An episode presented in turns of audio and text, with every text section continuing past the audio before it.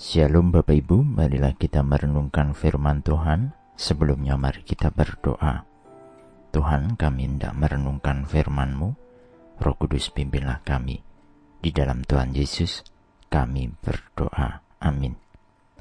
Bacaan saat ini diambil dari Amsal 11 ayat 9. Amsal 11 ayat 9. Dengan mulutnya orang fasik membinasakan sesama manusia tetapi orang benar diselamatkan oleh pengetahuan. Kata-kata yang terucap memiliki kekuatan nyata. Jika di era digital saat ini, kata-kata mudah diutarakan melalui tayangan yang diunggah di media sosial. Akan menjadi permasalahan jika kata-kata tersebut mengandung hal yang tidak menyenangkan bagi orang lain maka Undang-Undang ITE atau Informasi dan Transaksi Elektronik dapat dengan mudah menjerat seseorang ke arah hukum yang berlaku. Kata-kata bijak yang disampaikan dalam Amsal bacaan saat ini juga mengandung hal yang sama.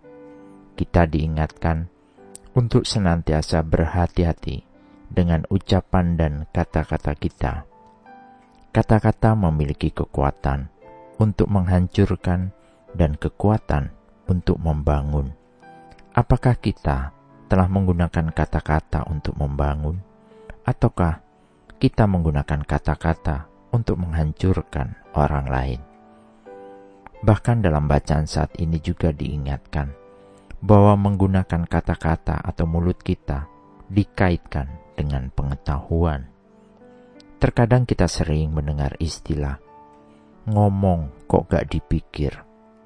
Artinya, dengan mudahnya manusia berkata-kata tanpa memikirkan hal baik buruk, membangun atau menghancurkan, menyenangkan atau menyedihkan. Semua seolah tanpa dipikir, sehingga hal ini membuat orang lain dikatakan binasa. Perbuatan demikian layaknya orang fasik yang melakukannya. Sebagai orang percaya, kita diingatkan untuk terus menjaga tutur kata kita. Tuhan Yesus mengingatkan dalam Matius 12 ayat 36 hingga 37. Tetapi aku berkata kepadamu, setiap kata sia-sia yang diucapkan orang harus dipertanggungjawabkannya pada hari penghakiman. Karena menurut ucapanmu, engkau akan dibenarkan, dan menurut ucapanmu pula engkau akan dihukum. Apa yang kita perkatakan adalah penting, sehingga kita harus memberikan pertanggungjawaban tentang apa yang kita katakan ketika kita berdiri di hadapan Tuhan Yesus. Mungkin terkadang kita berpikir menggunakan humor yang vulgar, lelucon yang kotor, dan bahasa kotor adalah biasa dan mencairkan suasana. Tetapi pembicaraan semacam ini ternyata tidak memiliki tempat dalam kehidupan orang benar. Sebagai pengikut Kristus, kita harus meniru teladan Yesus yang kata-katanya penuh kasih karunia, sehingga orang banyak kagum. Tuhan Yesus juga mengingatkan kita bahwa kata-kata yang kita ucapkan sebenarnya adalah luapan hati kita. Ketika seseorang menjadi pengikut Kristus, hendaknya menjadi perubahan di dalam ucapan mereka. Karena hidup bagi Kristus membuat perbedaan, khususnya dalam bertutur kata.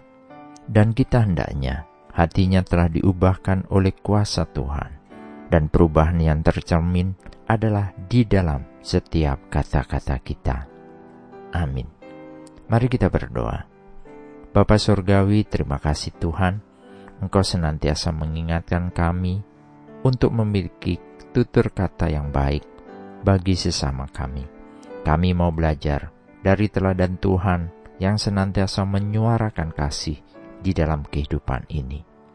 Ajari kami senantiasa dalam bertutur yang menyenangkan hatimu saja. Di dalam Tuhan Yesus kami berdoa. Amin.